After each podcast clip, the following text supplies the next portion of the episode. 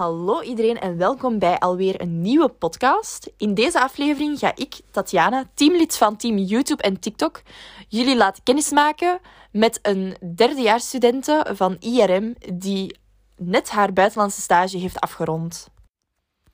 Hallo Peggy, zou jij je even eerst willen voorstellen? So, hi peeps, my name is Peggy Kies en ik ben studente IRM. Waarom heb je gekozen voor een buitenlandse stage en uh, waarom per se in Dublin? Dus uh, we hadden een keuze uit drie landen. Dus mijn top drie was namelijk Ierland, Spanje en Frankrijk. Maar veel mensen vragen zich uh, af waarom ik Ierland gekozen heb. En ik heb, ja, ik heb dit eigenlijk al vaker gehoord.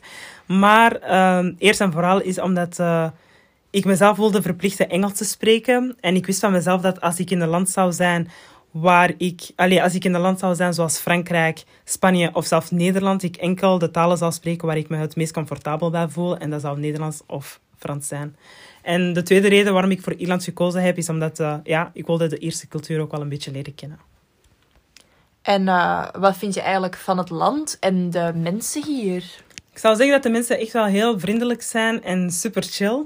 En ik weet ook wel dat Tatjana uh, mij daarnet ook iets gezegd heeft van Allee, ze vindt dat de Ierse mensen vriendelijker zijn tegenover, dat, uh, tegenover de ja, nee, buitenlanders. Ik, ik, vond gewoon, ik vind gewoon dat ze hier heel... Um, ja, ze zijn hier heel super polite tegen de toeristen. En ik vond gewoon zelf dat de, de mensen die hier heel onvriendelijk zijn, echt gewoon de toeristen zijn. Mm -hmm. Want ik denk ook wel gewoon dat, um, dat dat ergens wel is dat ze hier echt super polite zijn om ook gewoon zowat hun toerisme te kunnen boosten. Dat, daar, daar heb ik het gevoel. Mm um, ja, en wat, was het eigenlijk moeilijk om een stagebedrijf of een verblijfplaats te vinden hier? Ik zou zeggen, een stagebedrijf vinden was niet zo moeilijk eigenlijk. Dus allee, ik heb wel tijd in uh, gestoken, maar het was niet zo moeilijk. Maar een verblijfplaats zoeken was echt heel moeilijk. Zelfs mijn stagementor begon te zeggen van ja, het zal misschien wel echt heel moeilijk zijn om een stageplaats, allee, om een, om een verblijfplaats te vinden. Want zelf,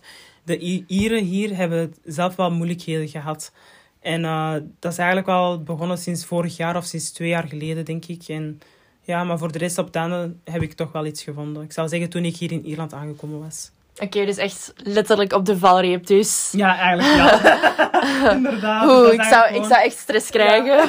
Nee, de stress was inderdaad wel... Allee, ik had, na de examens had ik echt al twee weken lang stress omdat ik mijn verblijfplaats niet vond. Maar uiteindelijk, toen ik uh, hier aankwam, had ik zoiets van... Oké, okay, ik heb twee dagen Airbnb genomen.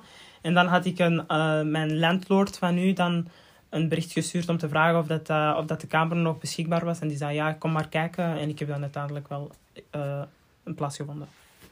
En um, qua positie dat jij, allee, qua stagewerk dat je eigenlijk doet, wat doe je eigenlijk? En uh, vind je dat leuk om te doen? Of? Ik zou zeggen dat het takenpakket heel divers is. Het bestaat vooral uit organiseren, plannen, promoten, event, PR. En eigenlijk een beetje wat wij bij office management zien.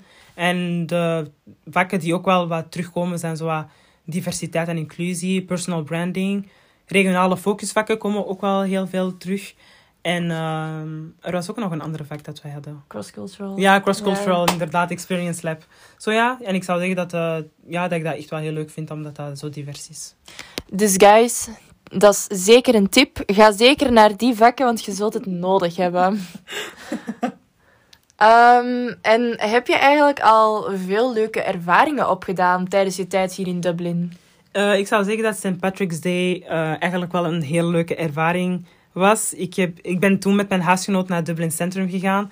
En uh, ik zou zeggen, het was echt vol. Dus en wat ik vooral opmerkte, was dat er vooral heel veel toeristen waren. Dus ik hoorde heel veel Frans en Portugees. Maar helaas heb ik geen, enkele, geen enkel Nederlands gehoord. Dus geen enkele Nederlanders of Belgen waren er. Dus echt, ik ben echt teleurgesteld. Waar zijn jullie? Ja, want meestal als ik op vakantie ga, het eerste wat ik hoor zijn Nederlanders. Dus ja, ik verwachtte echt al Nederlanders of Belgen, maar ik keek links, rechts en ik zag... Allee, ik hoorde enkel Frans, ik hoorde enkel Portugees. En, uh, ja, en ook wel andere talen, dus maar... En ja, Ieren, ik zou zeggen dat die vooral in hun eigen steden bleven. Maar in Dublin Centrum waren dat vooral toeristen. Ja, want um, de host van mijn Airbnb vertelde mij ook wel dat mensen echt een jaar op voorhand plannen om op St. Patrick's Day naar Dublin te komen. Want blijkbaar ver, verblijf is zo duur hier tijdens die periode. En, en dat is ook echt heel snel gewoon... Alles is volboekt heel snel. Dus ja, blijkbaar moet je daar echt gewoon een jaar op voorhand Ja, al echt- mee bezig zijn. Dat is, dat echt, is- dat is echt gewoon gek. Dat is, dat is echt heel gek. Ja, maar dat is wel een hele grote feestdag. Maar ik heb gehoord, alleen iemand was eh, naar Amerika gegaan en daar vieren ze dat precies wel een week op voorhand, de dag zelf, en dan de week erop ook nog eens. Dus dat is, en dat vond ik heel vreemd, want ik had zoiets van, oké, maar Ierland is de main, land. Hoezo vieren ze dat maar één dag en in andere landen, alleen zoals de Verenigde Staten, is dat zo, ja, twee, drie weken of zo. Dus ja. Amerika moet ze altijd speciaal doen. Speciaal doen. Ze moeten altijd speciaal doen. en eh, qua vrije tijd, wat doe je hier zo allemaal? Dus qua vrije tijd, ik zou zeggen rondfietsen, sporten en voornamelijk zo naar Dublin centrum gaan om wat, ja, om wat lucht ja, om het te verfrissen. Dus ja. En de stad bevalt het jou wel? ja, dus dat bevalt me wel. Ja? Ja? ik zou zeggen, het is een beetje zoals de andere steden, maar het is nog altijd een leuke sfeer. Ja, ik vond vooral dat het mij zo een West-Europese vibe gaf. Zo wat Londen, Parijs-achtig. maar dan zat daar ook zo nog zo een, zo een snufje meer bij. Dat ik echt ook wel heel leuk vond. Ja, ik zou zeggen, allee, de eerste keer dat, toen ik in Dublin aankwam, was dat zo van, wauw, dat is precies Londen 2.0. Maar die hebben ook wel hun eigen kansen, dus ik zou zeggen van, het is een beetje the same and also not. Zo ja. Oké, geweldig. Dankjewel, Peggy. Thank you very much. En dankjewel om te, kom, om te luisteren naar deze nieuwe podcast. Tot volgende keer.